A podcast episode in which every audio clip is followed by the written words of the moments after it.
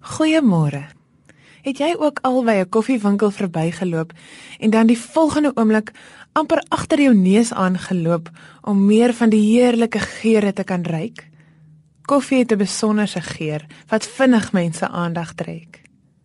Daar is egter 'n hele lang proses waardeur die rooi koffiebessies en dan uiteindelik die groen koffiebone moet gaan voordat dit uiteindelik die bruinerige geurende bone is wat ons so goed ken.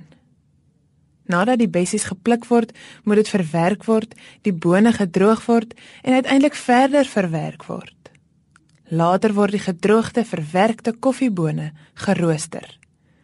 Mense rooster koffiebone vir verskillende lengtes sodat daar verskillende geure uit die koffie gehaal sal kan word. En dit is juis hierdie geroosterde koffiebone wat die besonderse geur afgee waar agter ons so graag in koffiewinkels aanloop. Koffie kan teen verskillende temperature gerooster word wat wissel tussen 180 grade Celsius en 240 grade Celsius. Hierdie hitteproses wat maak dat die ware wonderlike geure van koffie na vore gebring word. Die roosterproses laat my sommer dink aan die lewe. Ons voel ook soms asof die lewe ons rooster. Asof ons baie warm kry en die hitte amper vir ons te veel word. In 2 Korintiërs 2 vers 14 en tot 16 lees ons dat ons 'n aangename geur moet wees. Ons lees dat ons die wierook is wat deur Christus vir God gebrand word. Waarvan die geur die bereik wat gered word, sowel as die wat verlore gaan.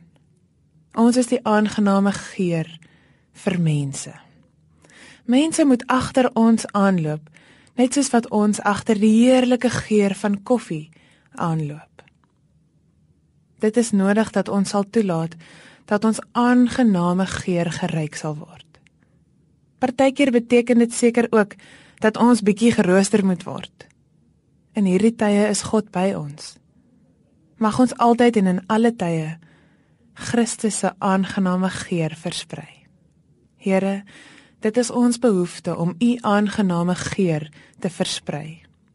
Wil u ons in staat stel om dit te doen? Dankie dat u altyd en in alle omstandighede by ons is. Amen.